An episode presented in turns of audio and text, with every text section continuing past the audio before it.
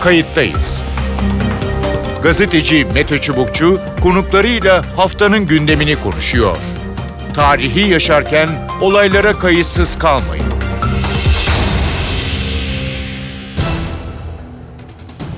İyi günler bir kayıttayız programıyla daha karşınızdayız. Tarihe ışık tutmak ve olan biteni anlamak için önümüzdeki dakikalarda sizlerle birlikte olacağız. Ben Mete Çubukçu, editörümüz Sevan Kazancı.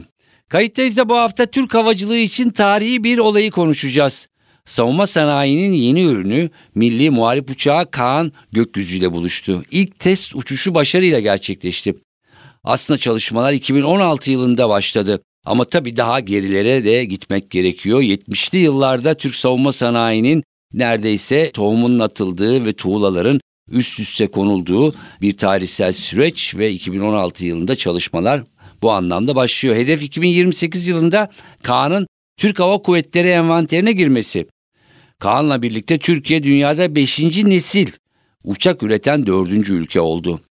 Milli Muharip Uçağı Türk savunma sanayi için önemli. Kaan'ın özelliklerini, olası katkıları ve bölgesel, küresel, siyasi etkilerini konuşacağız. İki konuğumuz olacak. Kayıttayızın konuğu Gürsel Tokmakoğlu. Gürsel Tokmakoğlu eski Hava Kuvvetleri İstihbarat Daire Başkanı. Gürsel Bey hoş geldiniz programımıza. Hoş bulduk. Ee, önemli bir e, gündü. E, dün e, Kaan e, gökyüzüyle e, buluştu. E, Türk Silahlı Kuvvetleri ya da Türk Hava Sanayi ya da savunma sanayinin e, en yeni e, ürünü e, denmekte. E, önce şuradan e, başlayayım. E, neden e, bu kadar önemli? E, daha sonra biraz teknik ayrıntılara da girmek isterim. Buyurun. Evet, Türkiye tabii çok uzun yıllar kendi uçağını yapmakla meşgul. En azından böyle bir fikir vardı. Birçok engellerle karşılaştı. Ee, sonuçta bu somut bir şekilde ortaya çıktı. İlk test uçuşunu yaptı. Bu test uçuşları e, zor zahmetli işlerdir. Yani e, piste girersiniz. Orada pilotun da konuşmalarına dikkat çekerek söylüyorum. Piste girerseniz kalkamazsınız. Ne oldu? Birinci test e, başarısız oldu. Hı hı. Biz ona abort diyoruz mesela.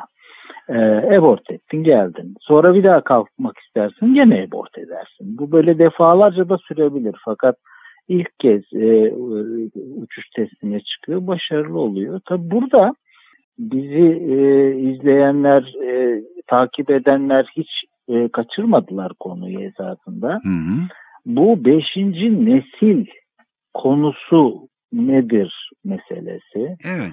Çünkü biz bir uçak yapabilirdik neticede. Pistonlu motoru olan uçak da yapabilirsiniz ki var daha önceden yaptıklarımız zaten e, işte Ürkuş'undan tutun da e, hürjetine varıncaya kadar bir şeyler yapılıyor Türkiye'de artık. E, fakat bu jet uçağı meselesi e, bir, çok yüksek performansa dayalı savaş makinası. Hı hı. İkincisi beşinci nesil şöyle anlaşılsın dörtten sonra beş gelir diye anlaşılmaz. Dört ile beş arasında çok kalın bir çizgi var. Bu artık e, savaş tekniklerini de değiştiren bir bakış açısı. Dolayısıyla sorunuzun esas cevabı bence şu olabilir. Yani e, biz e, Kaan diye bir uçak yapıyoruz. Öyle bir zamanda yapıyoruz ki e, dünyada dört tane beşinci nesil üreticisi var ve bunlardan bir tanesi de Kaan oldu. Hı hı. Ee, F-35'ler var. Rusya... F-35, F-22, 22. Su-57, e, J-21, işte Çin, Hı-hı. Rusya, Amerika ve Türkiye. Hı-hı. Ha, mesela Güney Kore'nin e, çalışmaları var, İsrail'in çalışmaları var, böyle e, İngiltere'nin çalışmaları var. Yani çeşitli ülkelerin çalışmaları var fakat e, bunlar henüz e, somut uçan bir hal alması açısından Türkiye'ninki e, gerçekleşmiş bir konudur. Hı hı. Ha, tabii bir tek eksiği var şu anda motor e, seri üretime bağlı olarak bunu çeşitli zamanlarda yerlerde de söyledim hani en büyük problemimiz motor diye. Hı hı. Ee, motoru yapacağız. Yani e, zaten seri üretime geçmenin takvimini de motor belirleyecek Belirleyecek. gibi gözüküyor. Peki. Şimdi şunu sormak istiyorum. Yani bu konuda uzman e, olmadığım ya da e, belki yani e, dinleyicilerimizin de bilgilenmesi açısından dediniz ki yani ilk test çok önemlidir ve bu başarıyla sonuçlandı. E, şunu merak ediyorum. Şimdi bu uçak e, kalktı. E, herhalde onlarca belki yüzlerce de donanımla ilgili detayları vardır e, diye e, düşünüyorum. Çünkü yani çok e, yüksek bir teknoloji gerektiren bir şey. Bunlar da yüklenmiş durumda mı uçağa yoksa zaman içinde mi? Çünkü herhalde bir tam belki seri üretim için bir belki 8-10 yılda gerekiyor değil mi? Onun için soruyorum. Tabii tabii. Yani e, bu konuyla ilgili e, kişilerin açıklamaları var. Yani bir şeylerden bahsediyorlar. 2028 falan böyle e, bir vade konuyor bunu da Hı. bir sürü şey. Ama şu e, tespitimiz doğru. Şimdi şöyle bu uçağın ilk uçuşu e, bir gövde yapıyorsunuz. Hı hı. Bunun e, birçok e, işte e, uçmasıyla alakalı olan kısımları var. E, bu uçak yerden kesiliyor, uçuyor. E, ondan sonra yaklaşık 8000 fit ki o motor kabiliyetinin en iyi olabileceği irtifalardır. Hı hı. Ondan zorlamaz yani orada motor testini de yaptım diyemezsiniz. Çünkü motor testi yapılmıyor şu anda. Yani uçağın e, uçabilirlik gövde testi yapılıyor. Hı hı. E, fakat uçak gövde ve bu alandaki testlerini yapmak için ise yaklaşık işte e, ne bileyim 3-5 bin ayrı noktadan veri alır sensörler Evet. bu sensörlerin aldığı verilerin de aynı zamanda yere aktarılması söz konusudur. Ve bir de mesela dikkatini çekmiştir gene e, bu konunun videolarını izleyenler. E, dışarıda yanda uçak uçar ki o dış gözlemi yapar. Yani ben şu manevrayı yapıyorum. O manevraya verdiği uçağın e, tepkine onu hem pilot anlar hem yerdeki o veri okuyucular anlar hem de gözlemci anlar yanında ol. Yani bunlar ilk testte böyledir. Fakat ne olacak şimdi? Bu uçağa her bir ünite eklendiğinde tekrar test, teste girecek. Hı hı. Yani şimdi buna bir uçuş testi diyebilirsek eğer mesela bundan sonra diyelim radar kondu radarını test Evet. edeceksiniz ve bunun ne bileyim işte elektronik kart kiti koyacaksınız onu test edeceksiniz. Bu hep artarak böyle devam edecek. Evet. Ee, diğer teknik e, bir konu yani Türkiye tabii ki uçaklarını e, işte F-16 e, Türkiye'de de e, onun bir partneriydi. F-35'te de öyleydi ama daha sonra o program e, bozuldu. E, belki biraz da o program bozulması tetikledi bilemiyorum. E, yani hızlandırdı e, Kaan'ı. Ya bundan sonra sistem nasıl gider? Yani hem diğer uçaklar olur belki F-35'te alınır bilemiyorum ama bir yandan da hani bunun üretimi, e, seri üretimi, başka ülkelere satışı bunlar da mümkün herhalde değil mi? Şimdi e, mümkün. E, Türkiye zaten e, bu e, insansız hava araçlarıyla ilgili hem kendi ihtiyaçlarını karşılarken hem de diğer taraftan e, istek yapanlara e, satış yapıldı veya işte verildi neyse bunlarla ilgili konu müştereken gitti. Hı hı. Belirli bir e, bu alanda da Türk e, savunma sanayi ürünlerinin yüksek teknolojili ürünlerin e, artık sözünü edilebilir. Bu, bu sahada bir güç elde ettiğinin kanıtı oldu. Hı hı. Şimdi bu uçaklar yapılırsa mutlaka ve mutlaka Türkiye artık yüksek teknolojili, e, yüksek performanslı, yapay zeka ile çalışan, nöral ağ desteği olan, artırılmış muharebe gücü olan bir hava vasıtasını e, başka ülkelere de verebilecek. Tabii bunun prosedürleri çok karmaşıktır. E, bu ayrı bir tartışma konusu Hı hı. ama şimdi uçaktan bahsettiğimize göre e, burada e, bizim gördüğümüz e, bu, bu uçağın yapılması e, bir başarı. Bununla ilgili olarak birçok şey üstüne eklenecek. Buradan bir yerlere varılacak. E, ama sonuçta e, Türk e, Hava Kuvvetleri bu uçakla uçacak. Hı hı. Bu sizin tam sorunuzun karşılığını ben başka zeminlerde şöyle açıklıyorum. Savunma planları veya savunma ihtiyaçları Hı hı. e, çok fazla parametreye dayalı olarak elde edilir. E, örneğin İngiltere çok iyi bir uçak üreticisidir. Ha işte motorunu bile oradan aldığımız örneğinden hareketle söyleyeyim. Hı hı. Ee, yani e, dünyada e, İngiliz yapımı bir sürü uçak var geçmişte de şimdi de. Ama e, Amerika Birleşik Devletleri'nden F-35 alacağım dedi E, ve bu alana girdi. Mesela e, Almanya'yı, e, İsrail'i böyle Avrupa'daki birçok e, yeri söyleyebiliriz. Demek ki savunmaya bakış tehditleri algılama ve bununla ilgili bir konu Hı hı. gerekirse başka tip uçak alınabilir. Ee, ama en azından sizin bir potansiyeliniz varsa savunmanın ana dayanak noktası olarak kendi ürettiklerinizi bir defa garantilersiniz. Hı hı. Şimdi biz bu milli muharip uçağı yapıp çoğaltıp e, filolarımızı bunu entegre ettikten sonra bu zaten asli e, muharebe gerekliliklerini yerine getirmiş olacak. Ondan sonra seçenekler çoğalıyor. Seçenekler politik de olabilir, stratejik de olabilir. Bir sürü hesap girecek bundan sonra içine. Evet. Peki. Son sorum kısa bir yanıt alırsam e, sevinirim. En başta e, motoru da e, yaparsak çok iyi olur e, dediniz. E, nasıldır yani bu tip üretim şeylerinde e, yani bir kısmı o e, ülke içinde üretilir, bir kısmı dışarıdan mı alınır? E, herhalde yüzlerce, binlerce parçası ve kombinasyonu var bunların. E, nasıl olur? Valla işte gene canlı örnek vereyim. Bu e, TB3'lerde veya işte diğer e, insansız hava araçlarında kullanılan asel filler dediğimiz o e, bir sensör vardı. Bunun Kanada'dan parçası Hı hı. alınıp buna göre imal ediliyordu. Yani neticede bir şeyi dışarıdan alıyorsunuz. Hı hı. Bu engellenmişti Kanada'dan e, ama şimdi açıldı. Ortaya bir ürün çıktı ki e, yani bütün dünyada uzmanlar diyor ki e, asel filler konusunda yapılmış en iyi ürün diyor.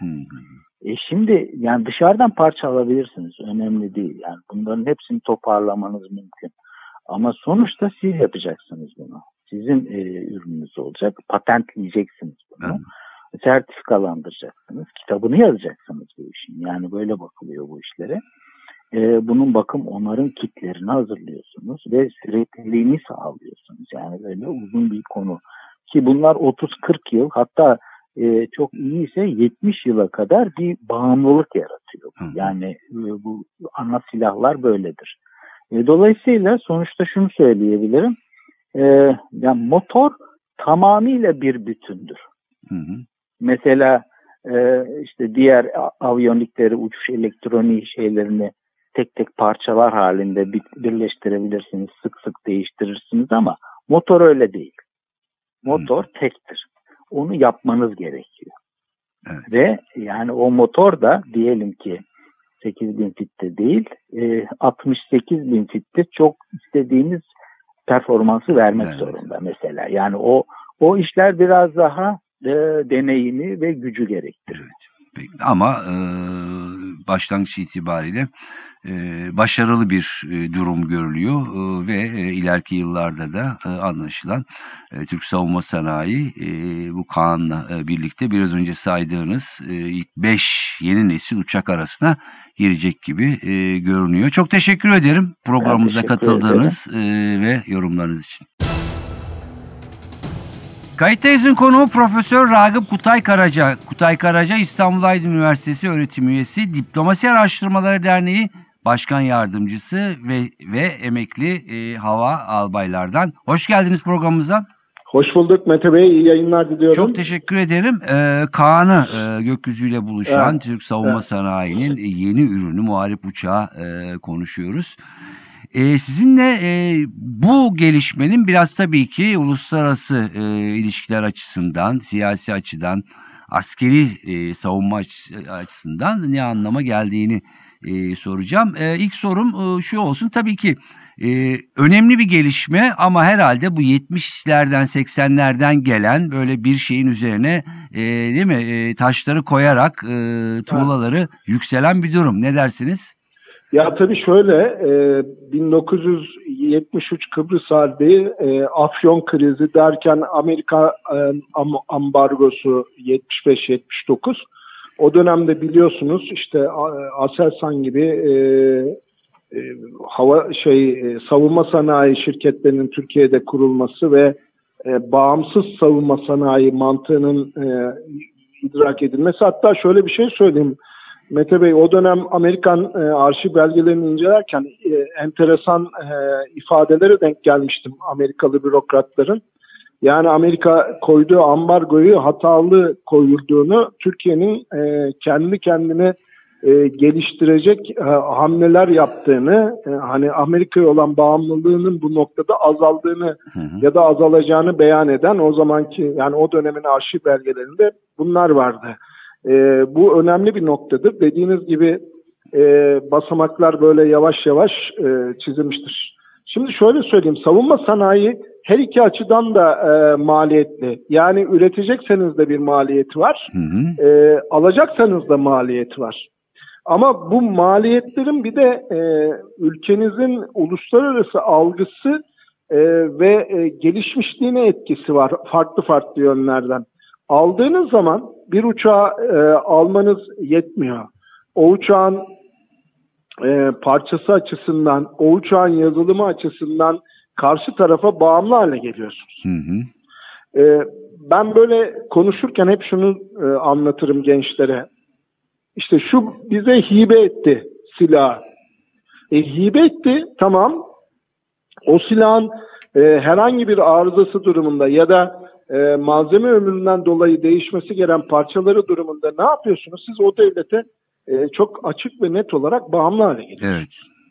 Evet. E, hatırlayın bunun dışında e, 1964 Johnson mektubuna götürürüm sizi. Hı hı. E, o dönem e, İngilizler miğferlerinin bile kullanılmasına izin vermiyor. Evet. Tabii. E, gelin e, Almanya Leopard tankının e, Güneydoğu Doğu Anadolu'da Evet. kullanılmasına izin vermedi. Hı hı. E, şimdi e, o yüzden hani e, dışarıdan aldığınızın maliyeti e, yüksek oluyor. Evet. Şimdi üretim maliyeti de yüksek. Tabii ki yani sonuçta e, önemli bir teknoloji geliştirmeniz gerekiyor. E, ve bu da maliyetli bir durum. Yalnızca mühendislikte kalmıyorsunuz. Bazı parçaları işte bazı ülkelerle ortak üretmek durumunda kalabiliyorsunuz. Hı hı. Ve tüm bunlar içerisinde de e, sizin e, bu yaptığınız savunma sanayinde ürettiğiniz e, o silahtır, e, araçtır, gereçtir bunları bir şekilde de pazarlamanız gerekiyor ki ARGE çalışmanızın geri beslemesini bu pazarladığınız paralarla yapabilirsiniz. Evet. Şimdi o yüzden o yüzden her ikisi de e, kendi açısından maliyetli ama tabii ki e, üretmek e, çok önemli. Neden çok önemli? İşte demin söylediğim bağımlılığı bir şekilde e, yok edebilmek için önemli. Artı siz kendinize bağımlı e, bu noktada ülkeler yaratabilmeniz için de önemli. Değil mi? Seri üretime geçildiğinde e, tabii ki pazara e, da sunulacak. E, e, belki yeni ittifak olmasa bile hani işbirlikleri askeri anlamda, savunma anlamda tıpkı şimdi e, İHA'lar e, konusunda olduğu gibi böyle bir durumda e, mümkün herhalde. Valla şöyle söyleyeyim hani bu işin e, olumsuz bir yanı yok. Mete Bey. Yani ben Türkiye'de tabii birçok e, enteresan cümleler duydum zamanında. Örneğin e, TAY'a açılırken çok genç bir teğmendim. Hani o dönemde e, Türkiye'de büyük itirazlar vardı. Ya buna ne gerek vardı falan diye. Ama şimdi F-16'ların blok 30, blok 40'larını komple biz kendimiz hallediyoruz. Evet. Hani o yetkileri tamamen almış durumdayız.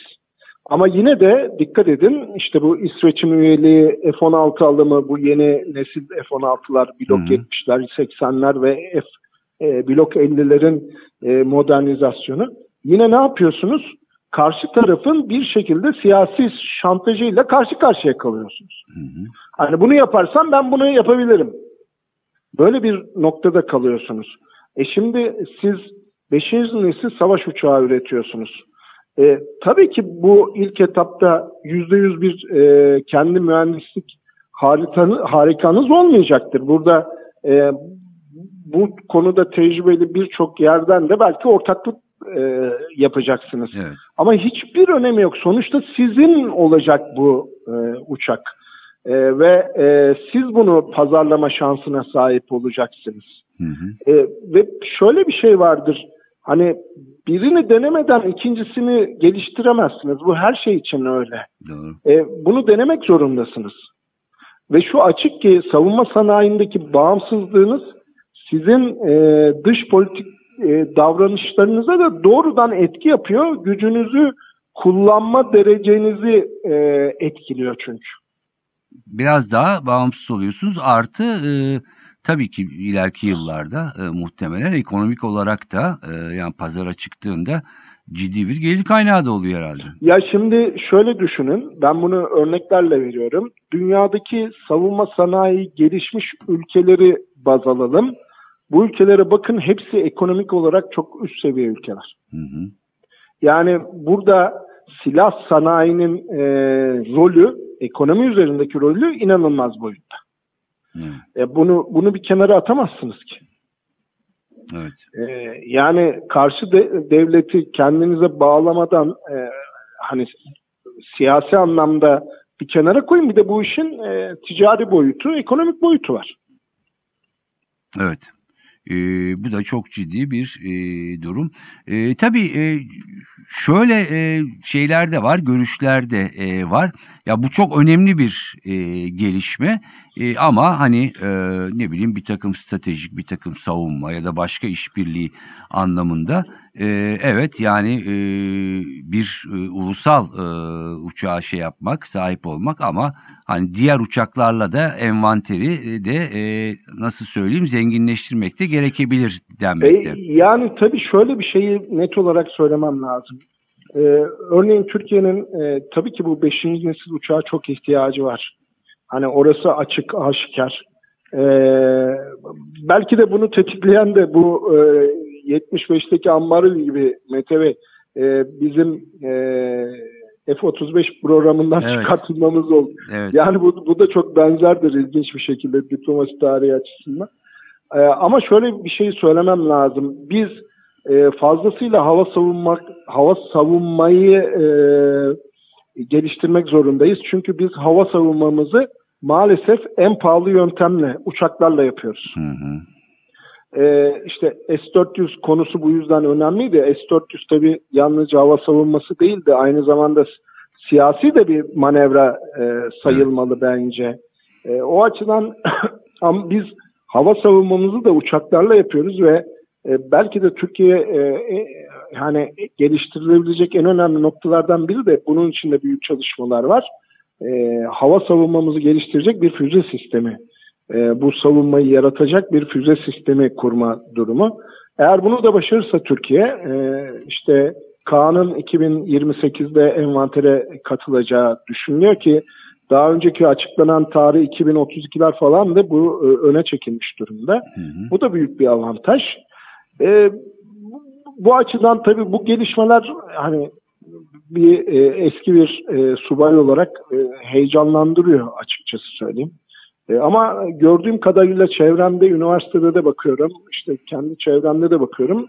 Hani ideolojik görüşü ne olursa olsun herkes bu konuyu fazlasıyla olumlu görüyor. E, hani tek düze bakmayanlar, onlar da çok fazla kişi değil açıkçası. Hı hı, Evet çok önemli bir e, gelişme.